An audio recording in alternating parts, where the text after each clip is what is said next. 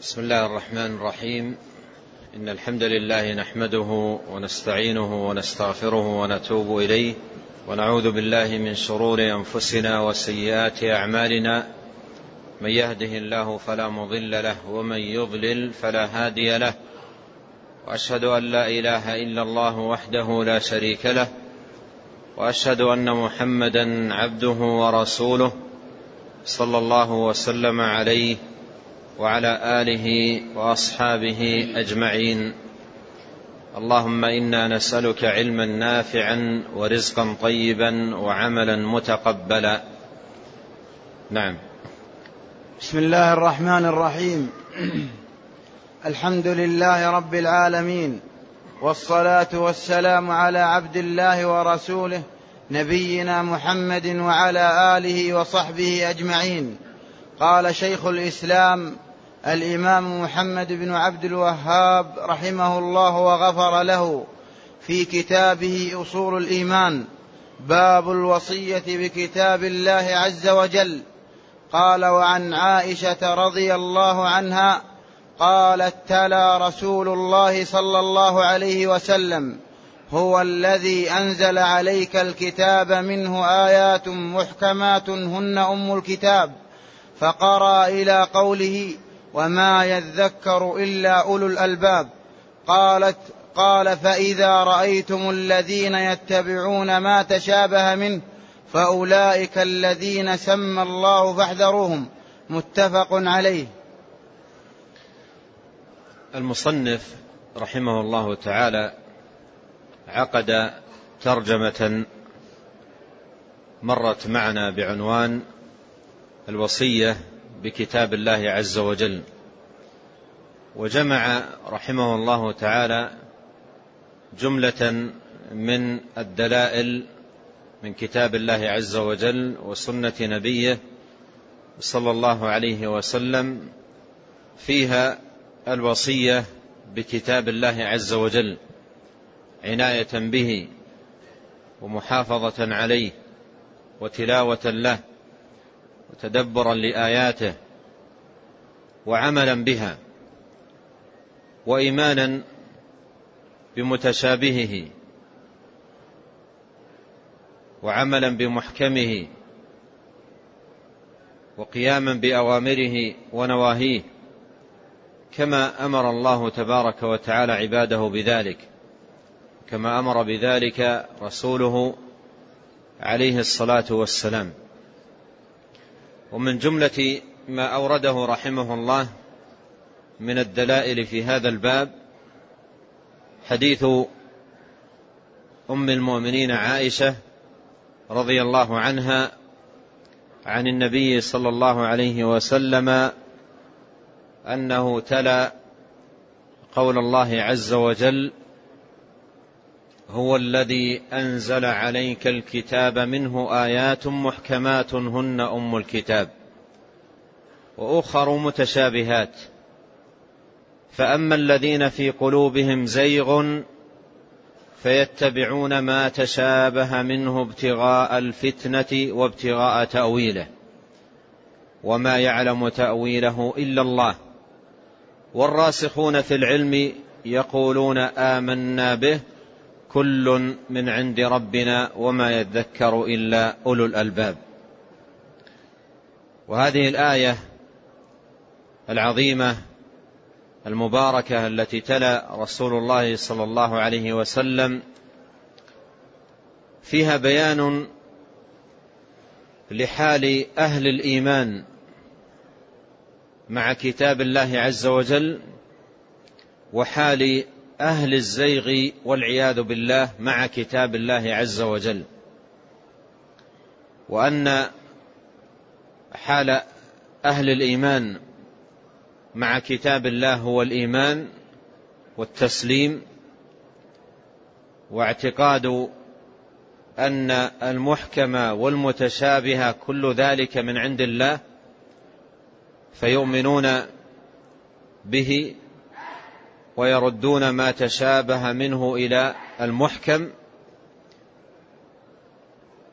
وأن حال أهل الزيغ والعياذ بالله اتباع المتشابه من كتاب الله عز وجل ابتغاء الفتنة وابتغاء تاويله.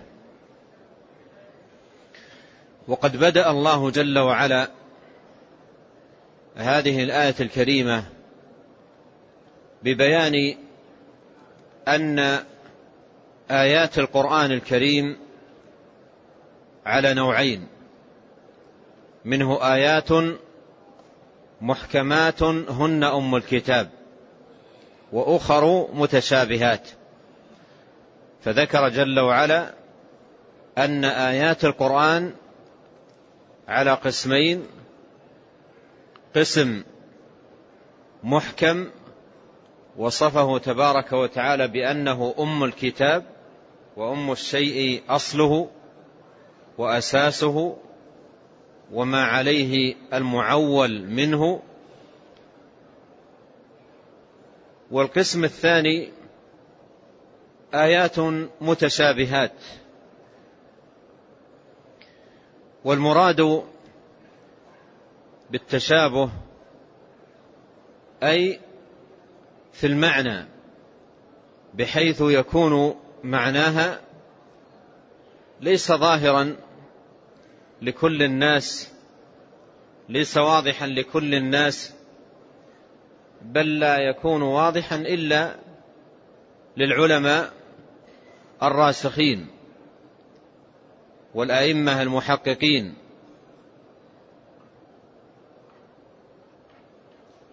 قال منه آيات محكمات هن أم الكتاب وأخر متشابهات.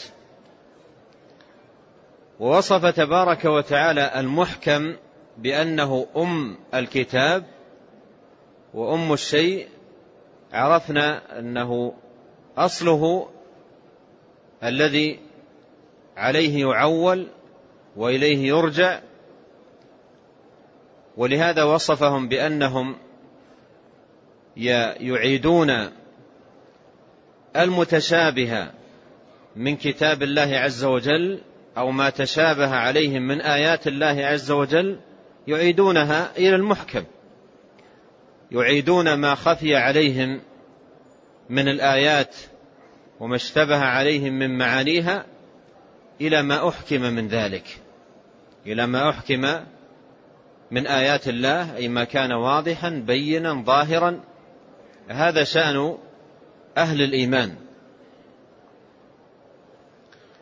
والمراد بالإحكام والتشابه هنا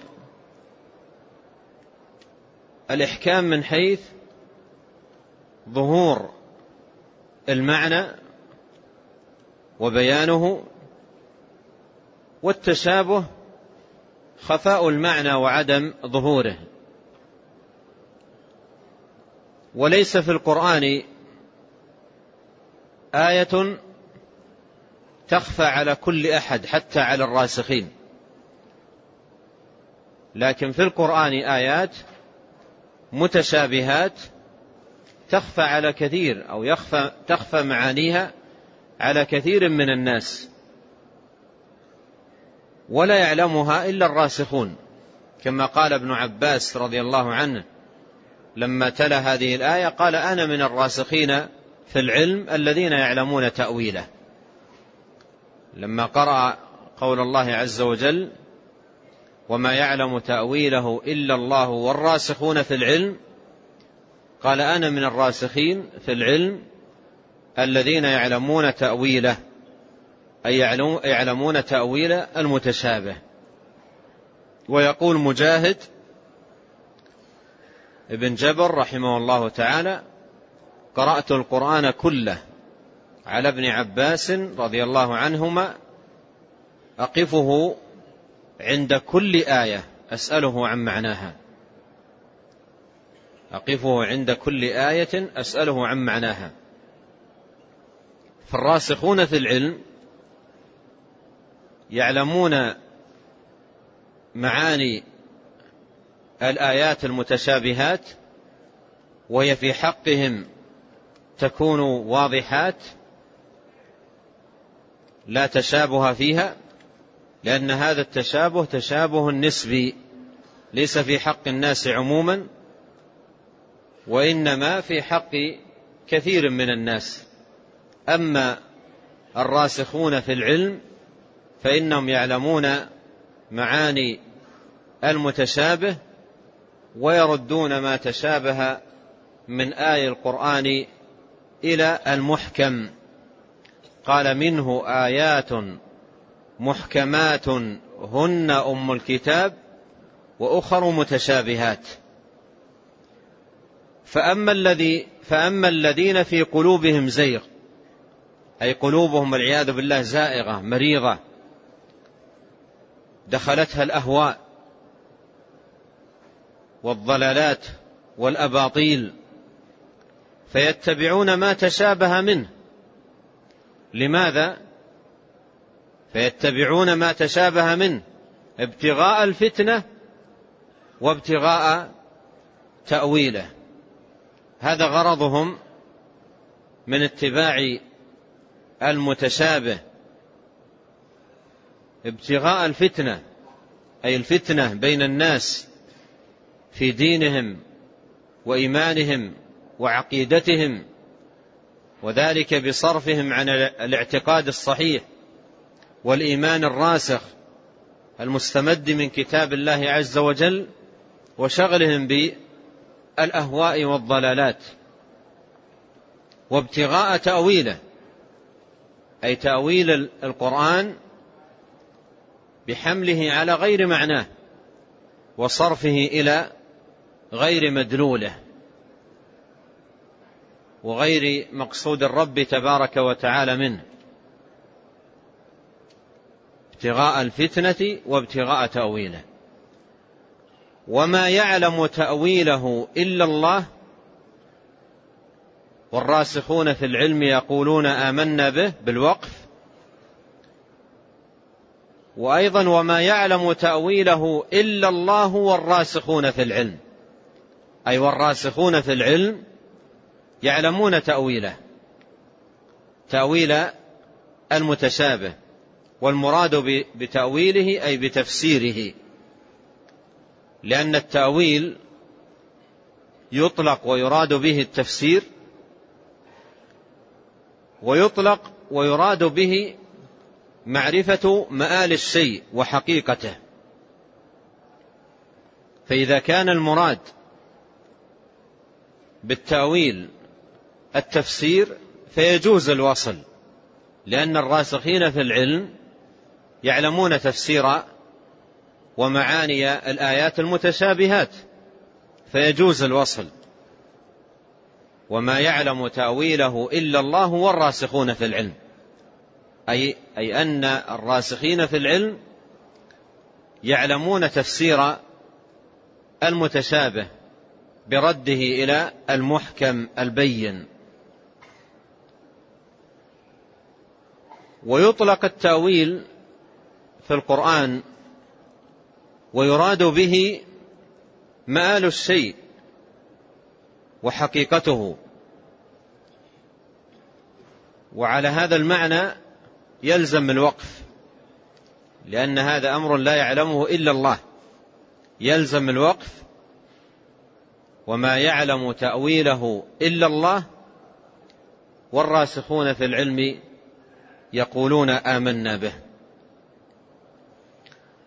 وقراءة الوصل والوقف بملاحظة معنى الآية ومدلولها يرجع أيضا إلى فهم معنى المتشابه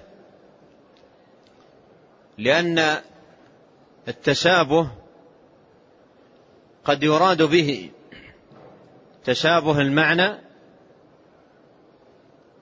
وقد يراد به التشابه من جهة الحقيقة والكيفية.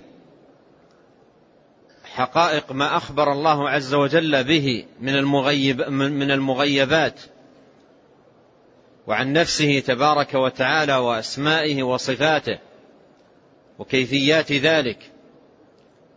فالتشابه هنا ليس تشابها نسبيا وإنما هو تشابه مطلق.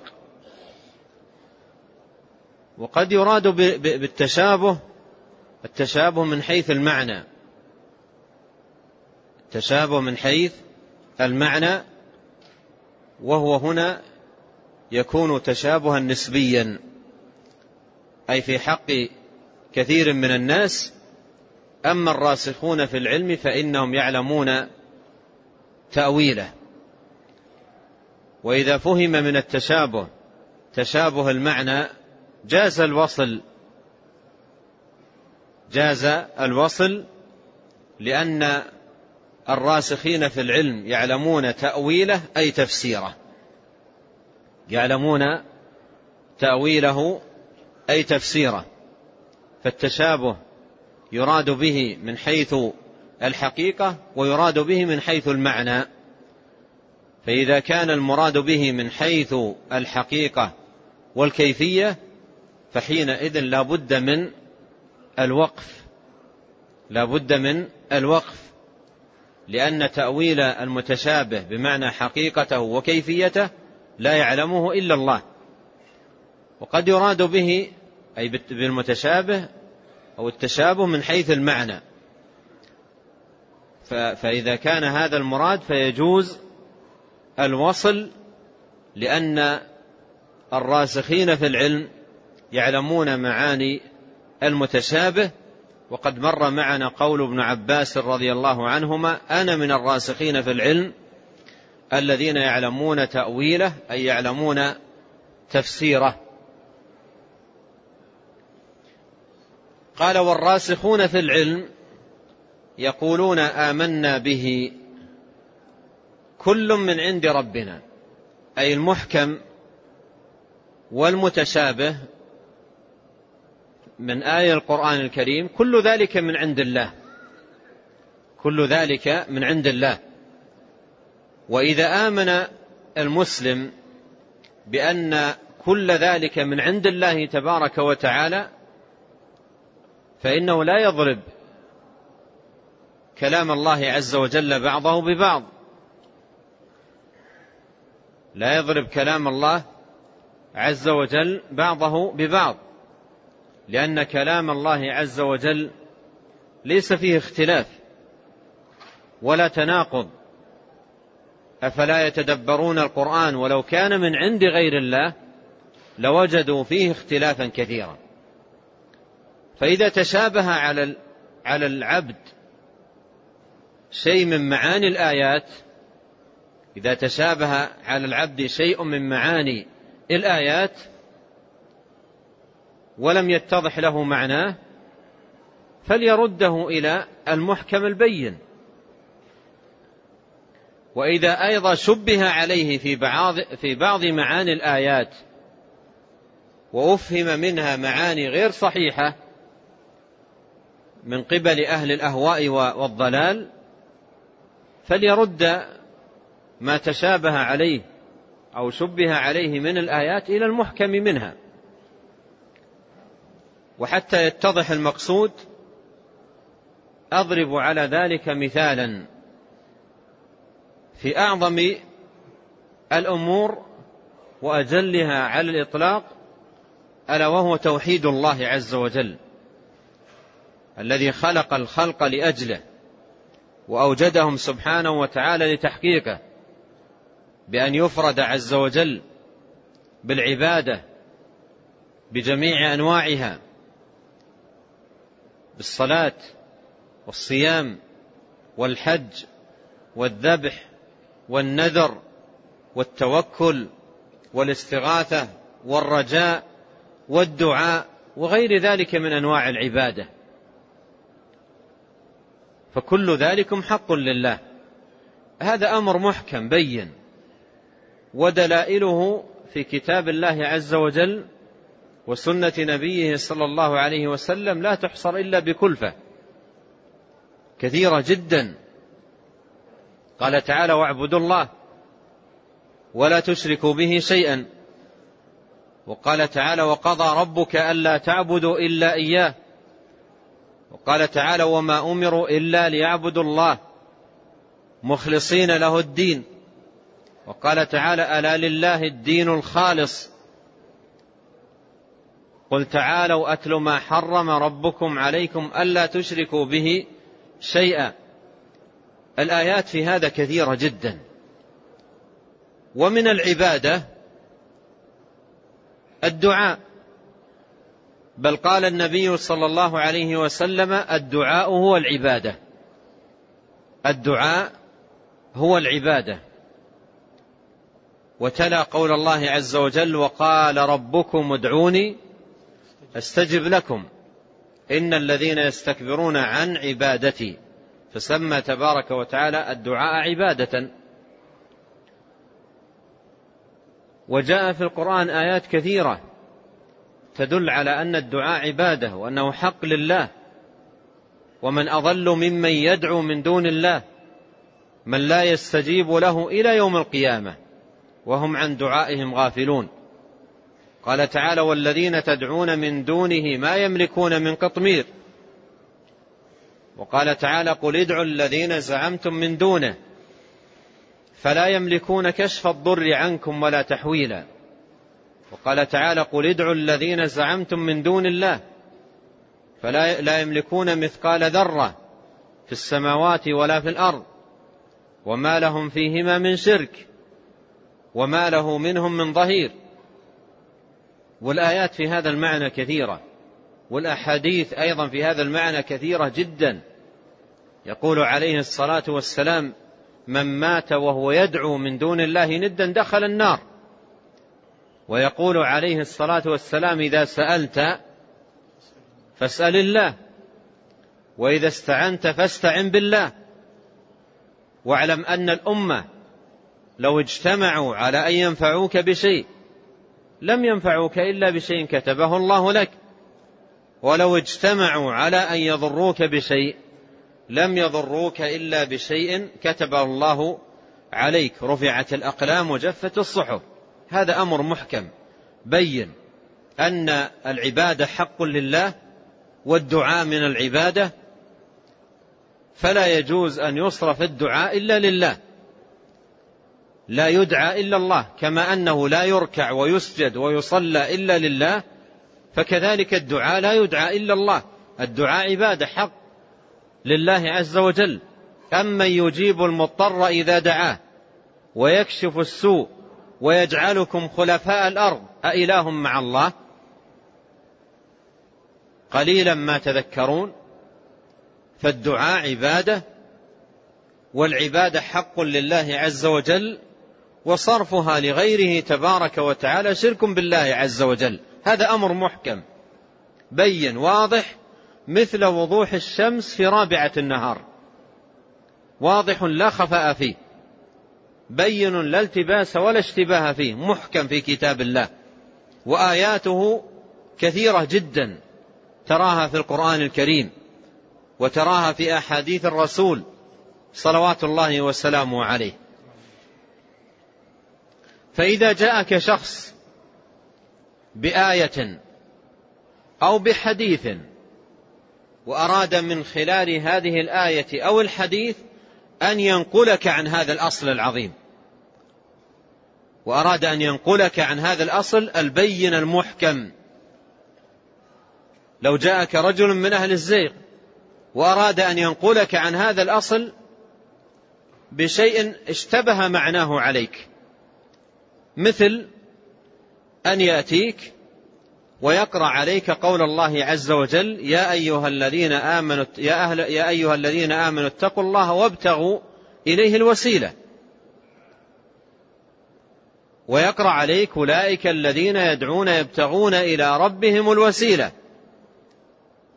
وقال لك الوسيلة أن تجعل واسطة بينك وبين الله من الأولياء ومن الأنبياء ومن الصالحين تدعوهم وتطلب منهم حتى يقربوك من الله لأن لهم مكانة وجاه عند الله سبحانه وتعالى حتى يقربوك من الله عز وجل. وحتى يكونوا شفعاء ووسطاء لك عند الله. فأراد أن ينقلك بهذا الأمر عن المتشابه عن المحكم البين من آيات كتاب الله عز وجل. فكيف تكون صانعا في مثل هذا الحال؟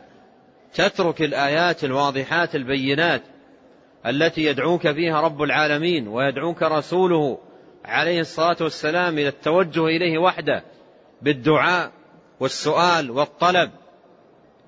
يقول عليه الصلاة والسلام لابن عباس إذا سألت فاسأل الله. وإذا استعنت فاستعن بالله. وقال ربكم ادعوني أستجب لكم. وإذا سألك عبادي عني فإني قريب. أجيب دعوة الداعي إذا دعان. وإذا سألك عبادي عني فإني قريب. لاحظ هنا ملاحظة نبه عليها أهل العلم في معنى الآية جميلة جدا. وهي أن سورة البقرة فيها آيات عديدة يقول الله عز وجل فيها يسألونك. ثم يأتي الجواب قل كذا. يسألونك عن المحيض قل هو أذى. يسألونك عن الأهلة قل هي مواقيت للناس. يسألونك عن اليتامى قل إصلاح لهم خير. آيات كثيرة يسألونك ويأتي الجواب بقل. هنا قال وإذا سألك عبادي عني لم يأتي قل. قال فإني قريب. ما في واسطة. الذي يريد أن يدعو الله باب الله عز وجل مفتوح في كل وقت. في أي ساعة من ليل أو نهار في أي بلد كنت في الدنيا في أي موضع كنت إذا سألك عبادي عني فإني قريب. هل يحتاج من يدعو الله عز وجل أن يذهب إلى ضريح يقف عنده حتى يقبل الله دعاءه عند الضريح؟ أو يذهب إلى قبة أو إلى مكان أو نحو ذلك؟ أم أن باب الله عز وجل مفتوح لك في أي مكان كنت؟ وإذا سألك عبادي عني فإني قريب. أجيب دعوة الداعي إذا دعان. فليستجيبوا لي وليؤمنوا بي. لعلهم يرشدون. أينما تكون مد يديك إلى الله وسله وألح عليه ادعوا الله وأنتم موقنون بالإجابة. فأينما كنت توجه إلى الله عز وجل توجه إليه بالسؤال بالدعاء بالطلب فإذا أراد أحد أن ينقلك عن هذا الأصل المحكم البين الواضح بشيء من المتشابه. كأن يتلو عليك الآيات المتقدمات. أولئك الذين يدعون يبتغون إلى ربهم الوسيلة. وأفهمك أن الوسيلة هي الواسطة. وهذا من المفاهيم المغلوطة. الواسطة التي يدعوك إلى أن تتجه إليها لتكون وسيلة لك عند الله. فما أنت صانع. المنهج السديد أمامك في هذه الآية. تتبع المحكم والذي هو أم الكتاب وما تشابه من آيات الكتاب عليك أعده إلى المحكم. وقل الدعاء حق لله ولا يدعى إلا الله لا يدعى إلا الله. ولا يسأل إلا الله ولا تمد اليدين. يا رب يا رب لا تمد ولا يلتجأ إلا إلى الله سبحانه وتعالى. ولا يمكن أن أنتقل عن هذا الأمر المحكم. وهذا الذي ذكرت لي في هذه الآية إن كنت تفهم معناه فبينه وإذا كنت لا تفهم معناه قل لا أعرف معناه واسأل عنه أهل العلم. أما أنا لا يمكن أن أنتقل عن هذا المحكم البين الذي هو أبين الأمور وأوضحها. وهنا يا إخوان يأتي أمرا مؤلما حقيقة ألا وهو أن عوام الناس عوام الناس يلبس عليهم. ولا تذكر لهم هذه الآيات المحكمات في هذا الباب ويذكر لهم دعاة الباطل أشياء متشابهة وأحاديث موضوعة وقصص مختلقة فيبعدونهم عن الإخلاص لله تبارك وتعالى إلى التعلق بالموتى والمقبورين والبكاء عند القبور والالتجاء إلى أهلها حتى إن بعضهم ليبكي ويخشع عند القبر ما لا يبكي ويخشع عندما يصلي بين يدي الله. يقف عند القبر خاشعا باكيا ذليلا متذللا وإذا وقف يصلي أمام الله سبحانه وتعالى لا يخشع ولا يذل ولا يبكي ولا يدمع. وهذا من المفاهيم المغلوطة التي نشرت بين العوام والجهال. وأذكر مرة كنت من فترة طويلة أصلي المغرب وبعد الصلاة جلست أقرأ القرآن. وإلى جنبي أحد الزوار من من إحدى الدول ماد يديه يدعو ويبكي يبكي بخشوع وماد يديه يدعو حتى إن خشوعه وبكاؤه أثر فيه. ثم سمعت رفع صوته بالدعاء وإذا به يقول مدد يا رسول الله ألحقني وينادي الرسول عليه الصلاة والسلام. الرسول صلى الله عليه وسلم هو الذي قال لنا إذا سألت فاسأل فاسأل الله. هو الذي قال لنا إذا استعنت فاستعن بالله. سمع رجلا قال له ما شاء الله وشئت فغضب. قال جعلتني لله ندا؟ ما شاء الله وحده. وقال عليه الصلاة والسلام ما أحب أن تنزلوني فوق منزلة التي أنزلني الله إياها. ما أحب أن تنزلوني فوق منزلتي التي أنزلني الله إياها. والأحاديث عنه عليه الصلاة والسلام في هذا المعنى كثيرة جدا. وكان إذا أوتي بمريض قال اللهم رب الناس. أذهب البأس واشف أنت الشافي.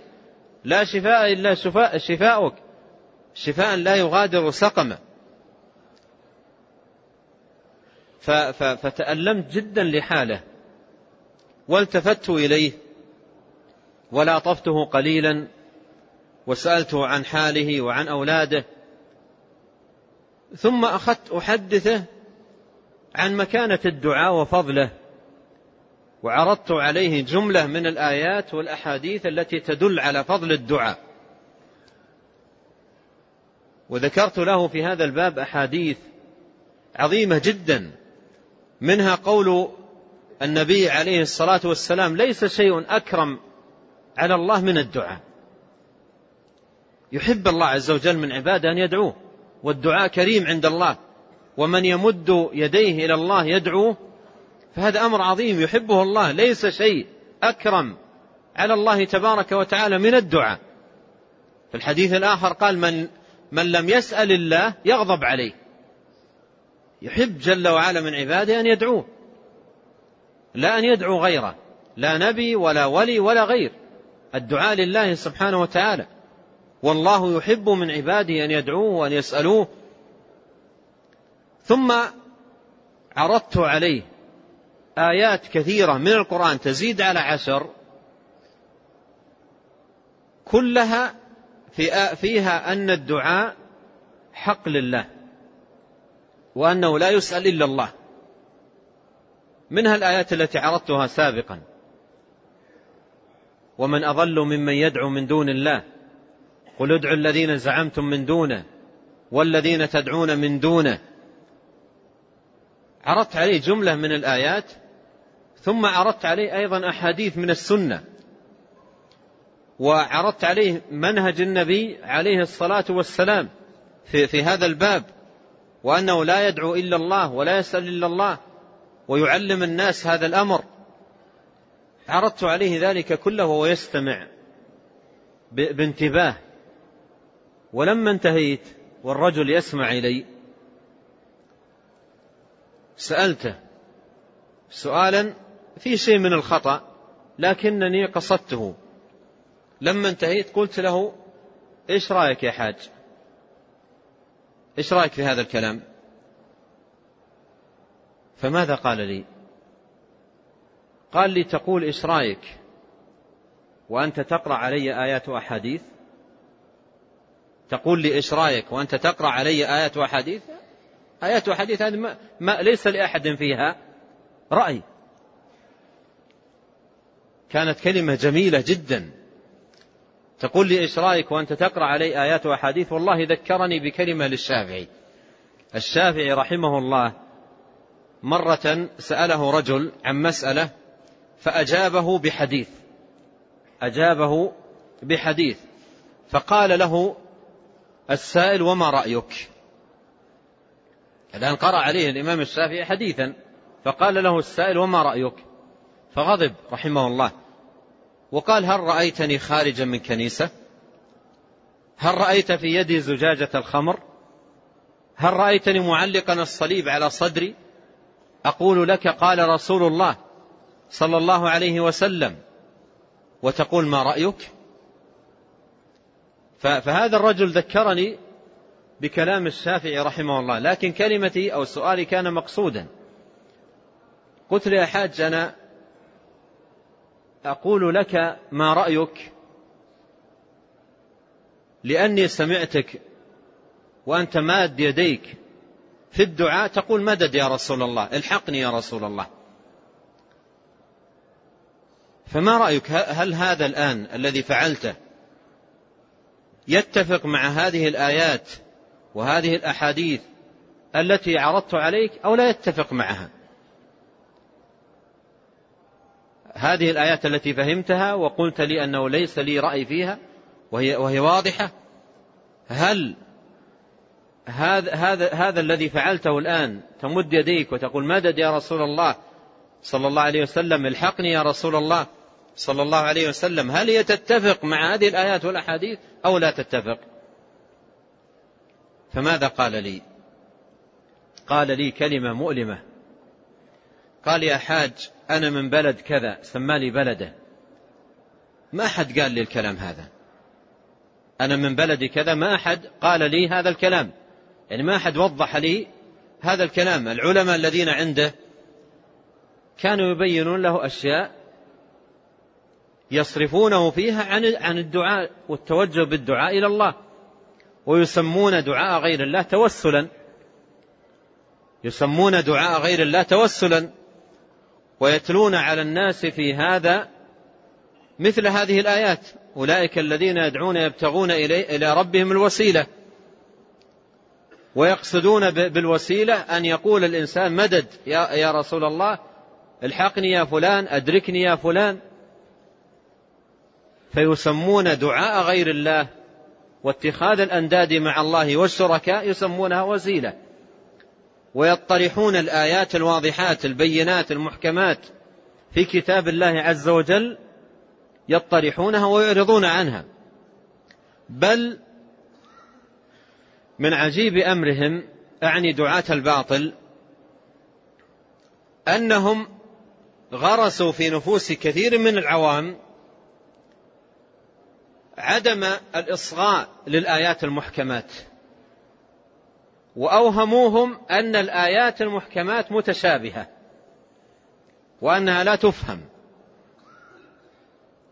ولا ينبغي لأحد أن أن أن يفهمها. وأذكر هنا أيضا قصة جميلة قرأتها في أحد كتب أهل العلم. أن رجلا زار شخصا فلاحظ عليه أنه يمارس أمورا شركية من دعاء وتوسل واستغاثة والتجاء إلى غير الله لاحظ عليه هذا الأمر. فأحب أن ينصحه. أحب أن ينصحه. فقرأ عليه آيات في هذا الباب فيها أن الدعاء حق لله وفيها التحذير من الشرك والاستغاثة بغير الله تبارك وتعالى فقال الرجل قف لا تقرأ علي هذه الآيات. لا تقرأ علي هذه الآيات. هذه الآيات متشابه وأنا وأنت لا نفهم هذه الآيات. وهي آيات واضحات فيها النهي عن عبادة غير الله. فسكت هذا الرجل وتوقف عن الكلام وانتظر ثم دخلت بنت صغيرة لصاحب البيت لمن كان ينصحه بنت صغيرة عمرها ست سنوات أو سبع سنوات بنت للرجل.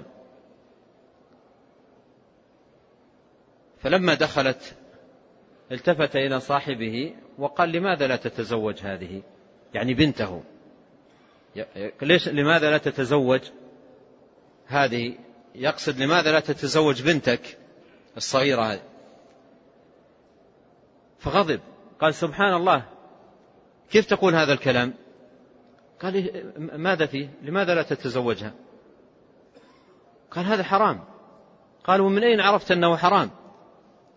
قال الله عز وجل يقول حرمت عليكم أمهاتكم وبناتكم. قال هذا لا نفهمه نحن.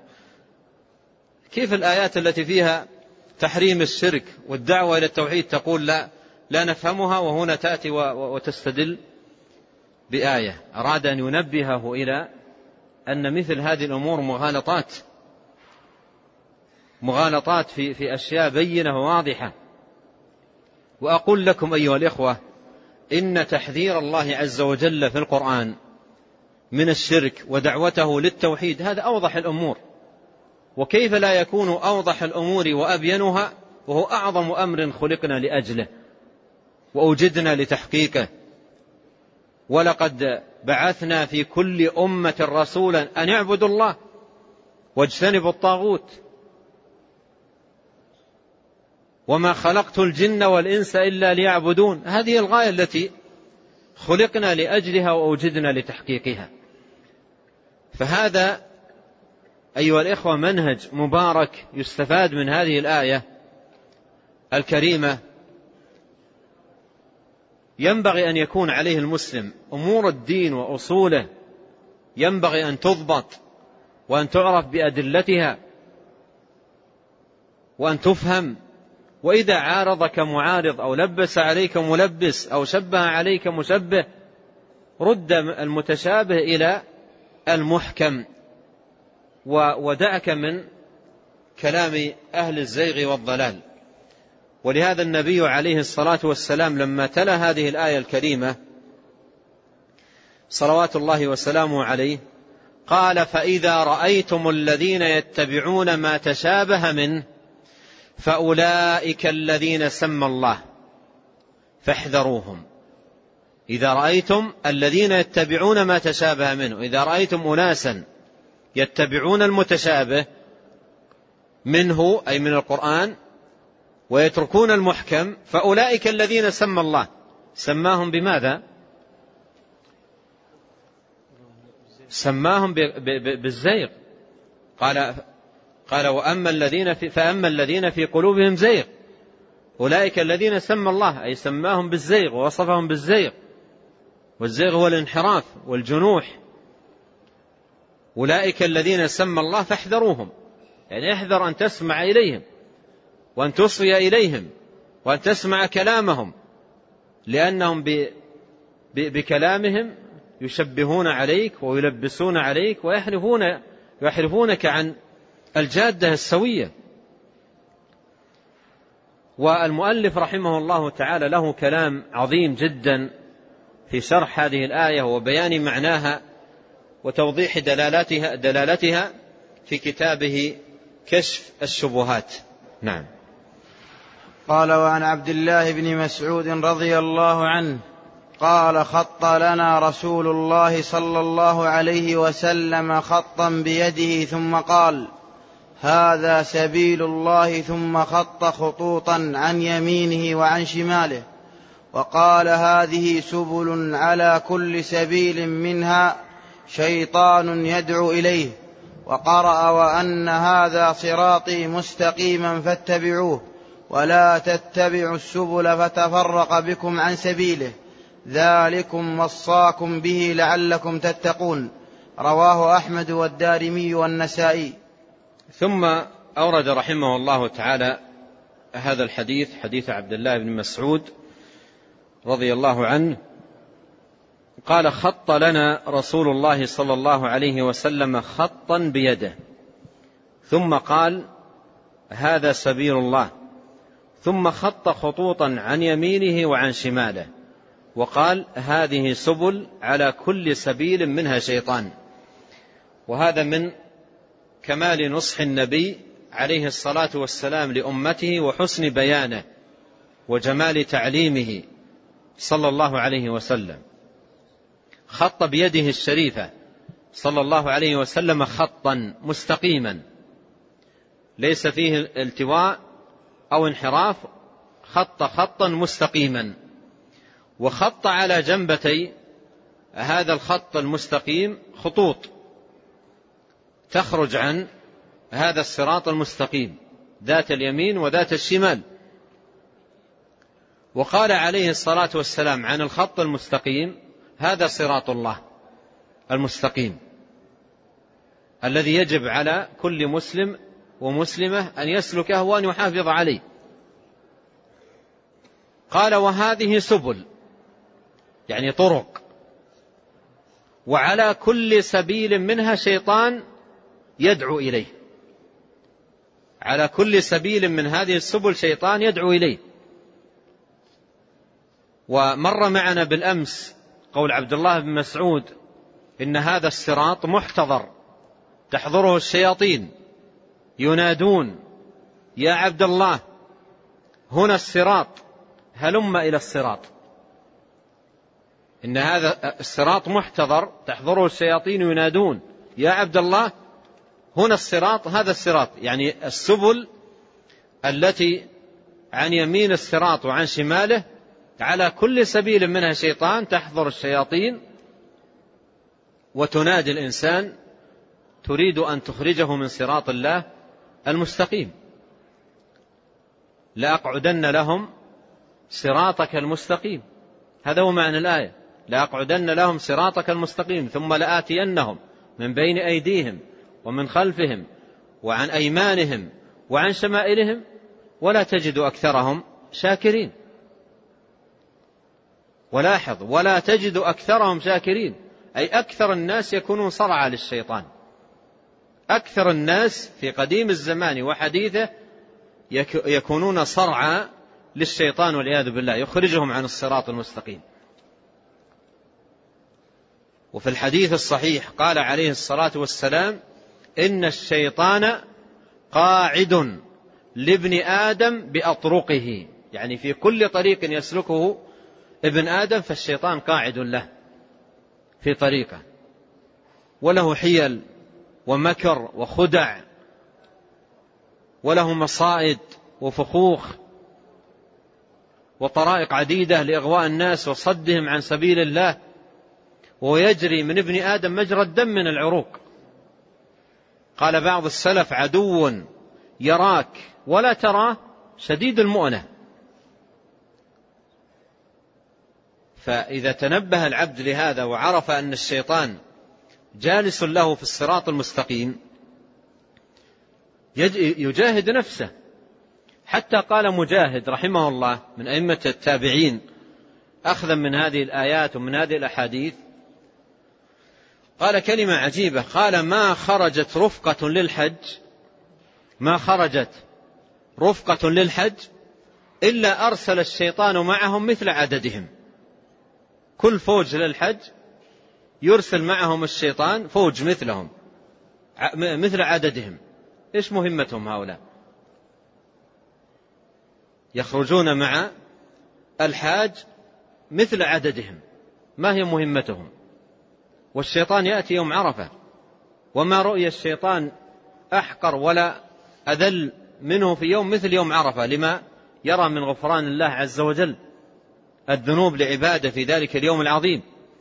فالشيطان جالس لابن آدم بأطرقه. طريق الصلاة طريق الصيام طريق الحج طريق العمرة.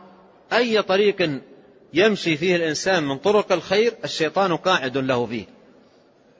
ولا يريد منه ان أن يتمه وأن يكمله. حتى في الحج يقعد الشيطان للإنسان بهذا الطريق. وهو يريد أحد أمرين. إما إما يريد من الإنسان أن يفعل أمور زائدة عن الحج هي من الغلو في الدين أو يريد منه أن أن أن يقلل من أعمال الحج ولا ولا يبالي بأي الأمرين ظفر. إما غلو أو جفاء.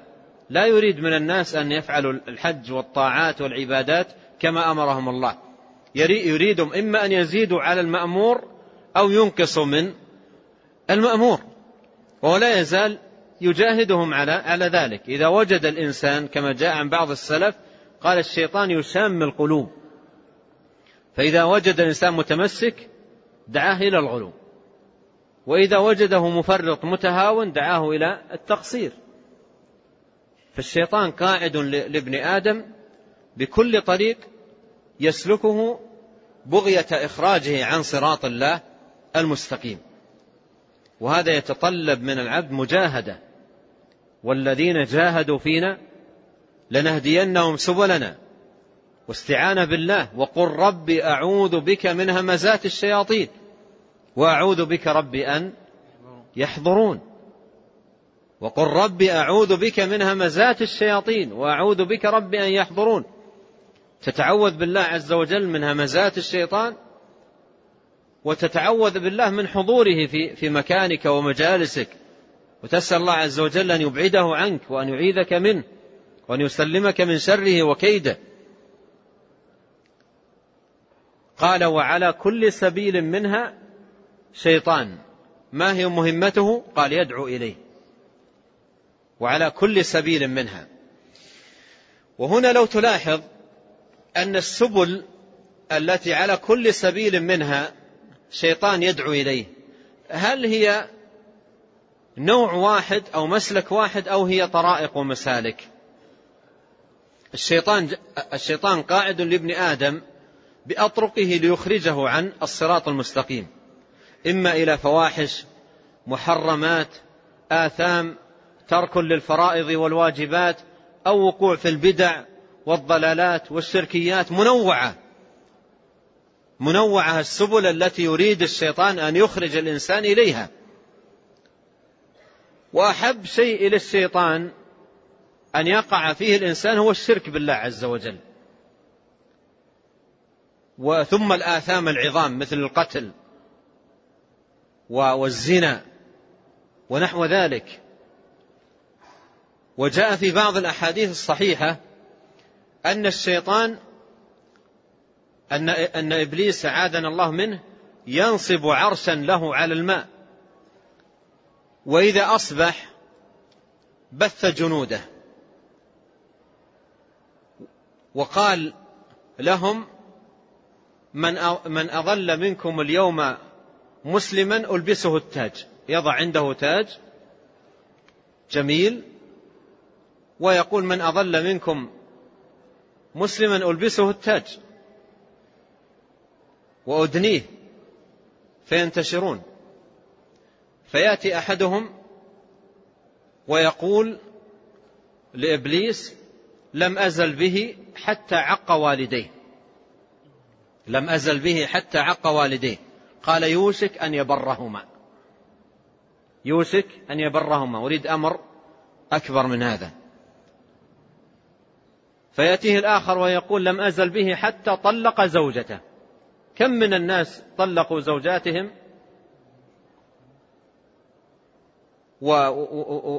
وذلك طاعة للشيطان. في, في, في غضب وفي طلق زوجته. كم من الناس استغل الشيطان غضبه ونفث فيه؟ طلق طلق. حتى إنه, حتى إنه بعضهم ينفث فيه أن أن لا يطلق طلقة واحدة. بعضهم بنفث الشيطان يطلق في المجلس الواحد آلاف الطلقات. وتجده مغضب ومنتفخ والشيطان من الداخل يدفعه ويبدأ يعدد ألفاظ الطلاق. أنت طالق طالق, طالق بصوت عالي كل هذا من الشيطان ينفخ فيه من الداخل.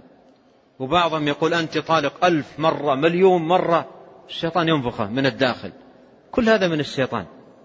كثير من الناس يعمل بهم الشيطان عملهم في, في مثل هذا الباب وخاصة وقت الغضب. أيضا يستغل وقت الغضب ليقتل ليضرب ليسب ليشتم.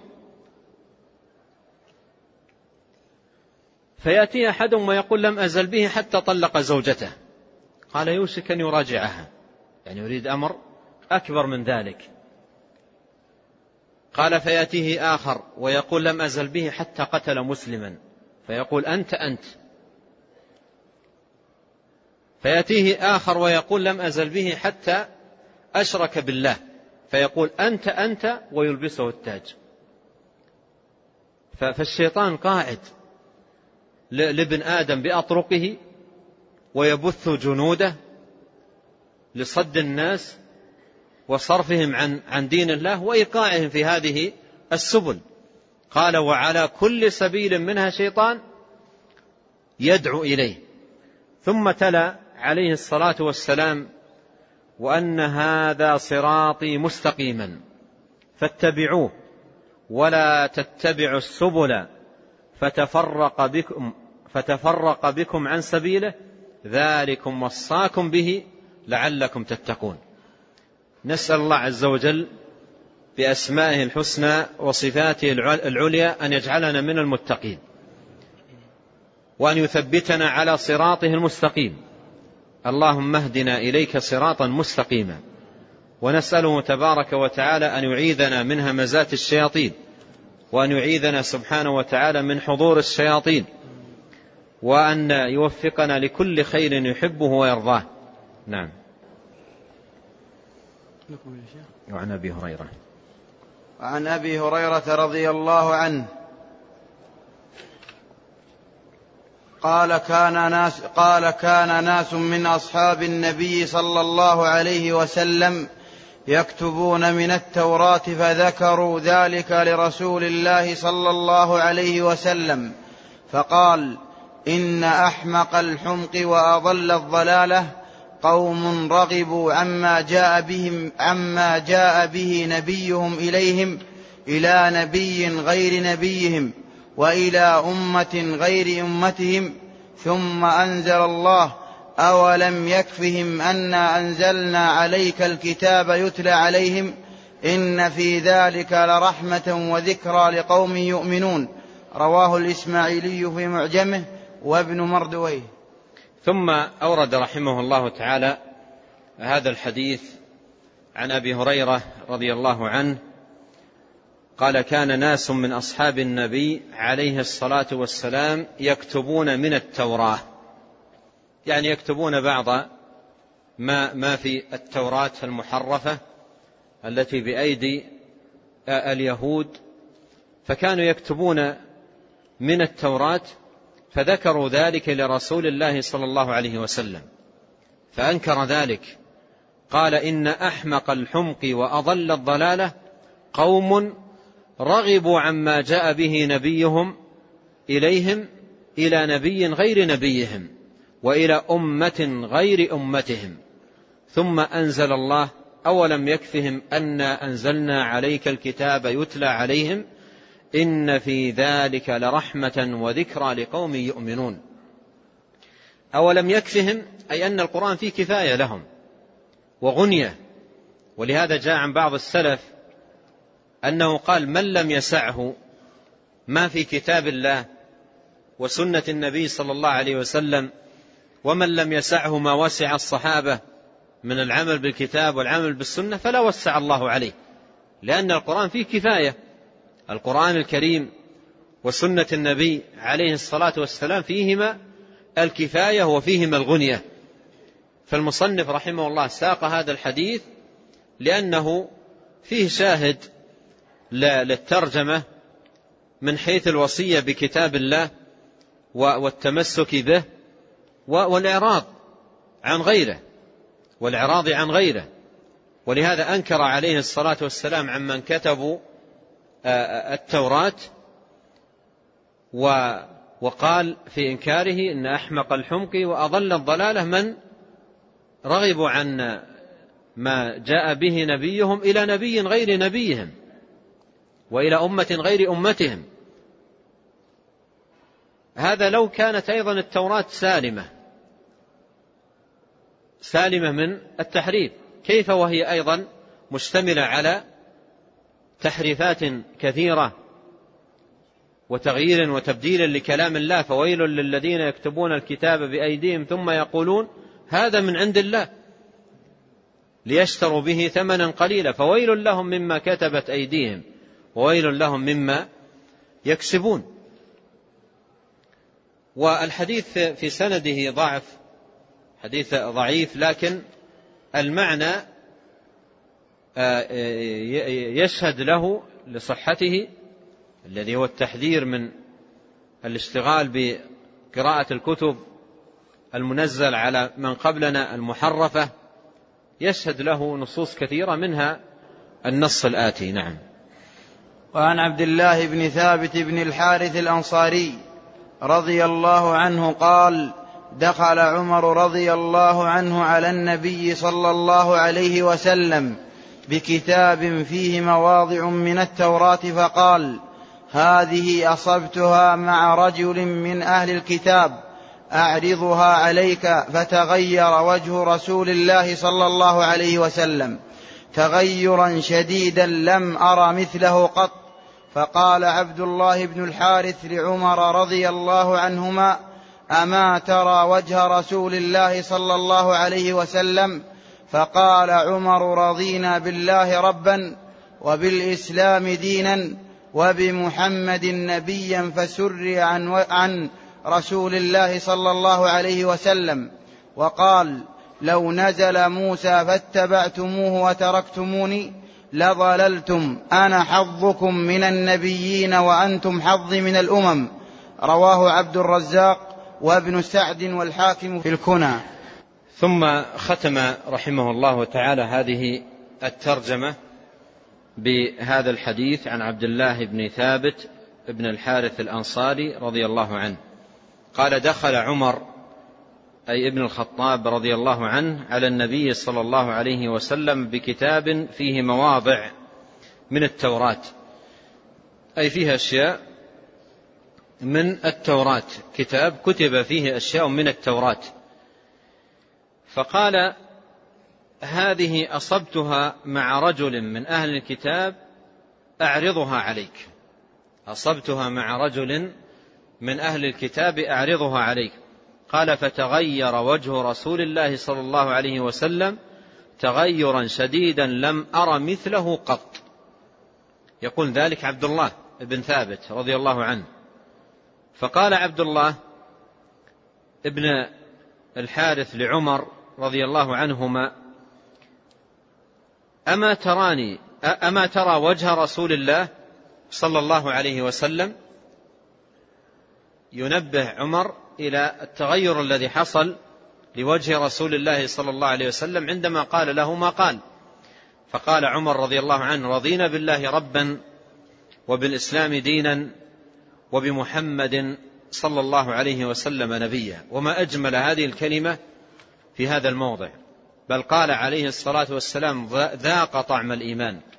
من رضي بالله ربا وبالإسلام دينا وبمحمد صلى الله عليه وسلم نبيا. فسري عن رسول الله صلى الله عليه وسلم وقال لو نزل موسى فاتبعتموه وتركتموني لضللتم.